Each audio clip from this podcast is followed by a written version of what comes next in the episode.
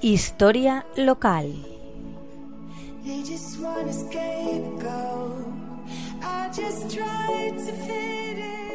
Buenas tardes, amigas y amigos de la Tegua Radio.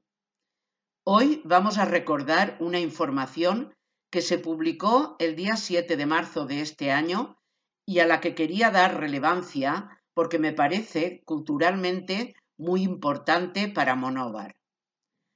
Se trata del convenio firmado por la Fundación Mediterráneo y el Ayuntamiento de Monóvar para implantar un horario estable de visitas en la Casa Museo Azorín. Dicho convenio tiene como objetivo promover todo tipo de visitas, tanto escolares como de colectivos o individuales, y que aquellas personas interesadas en conocer la casa y la obra del escritor monovero tengan un horario disponible para poder acudir. Esto explicaba el alcalde Alejandro García. Las dos entidades se harán cargo a medias del coste de la ampliación del horario, aportando 7.853 euros cada una anualmente. Así, desde ahora, el museo quedará abierto al público de martes a sábado en horario de 11 a 14 horas. En el caso de grupos y colectivos, hará falta un aviso previo para organizar la visita. Según he contado ya en un anterior capítulo de la Tegua Radio, la Casa Museo Azorín fue la residencia de la familia Martínez Ruiz en Monóvar desde 1876.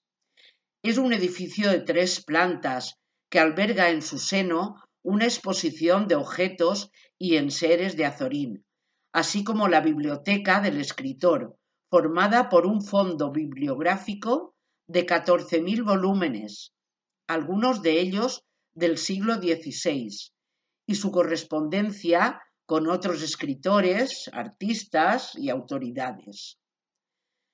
Con el tiempo se ha convertido en imprescindible para todos aquellos que estudian la obra de Azorín, y para los interesados en la lectura o consulta de los periódicos monoveros, microfilmados todos ellos, o los magníficos libros que contiene. Está situada, como, sabéis, en la calle Salamanca número 6. Una de sus funciones es editar la serie de Anales Azorinianos. Coedita además algunas publicaciones y organiza el Coloquio Internacional de la Universidad de Pau en Francia.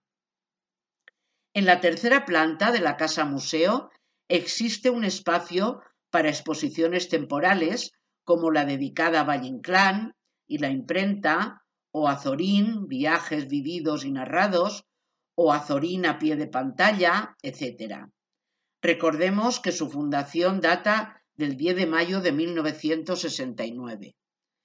Me parece muy interesante la noticia de su nuevo horario y no he querido dejar pasar la ocasión de recordarlo y resaltar su importancia como motor e impulsor de la vida cultural de Monóvar.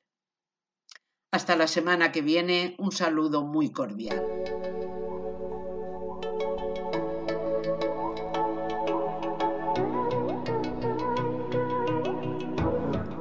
Historia local.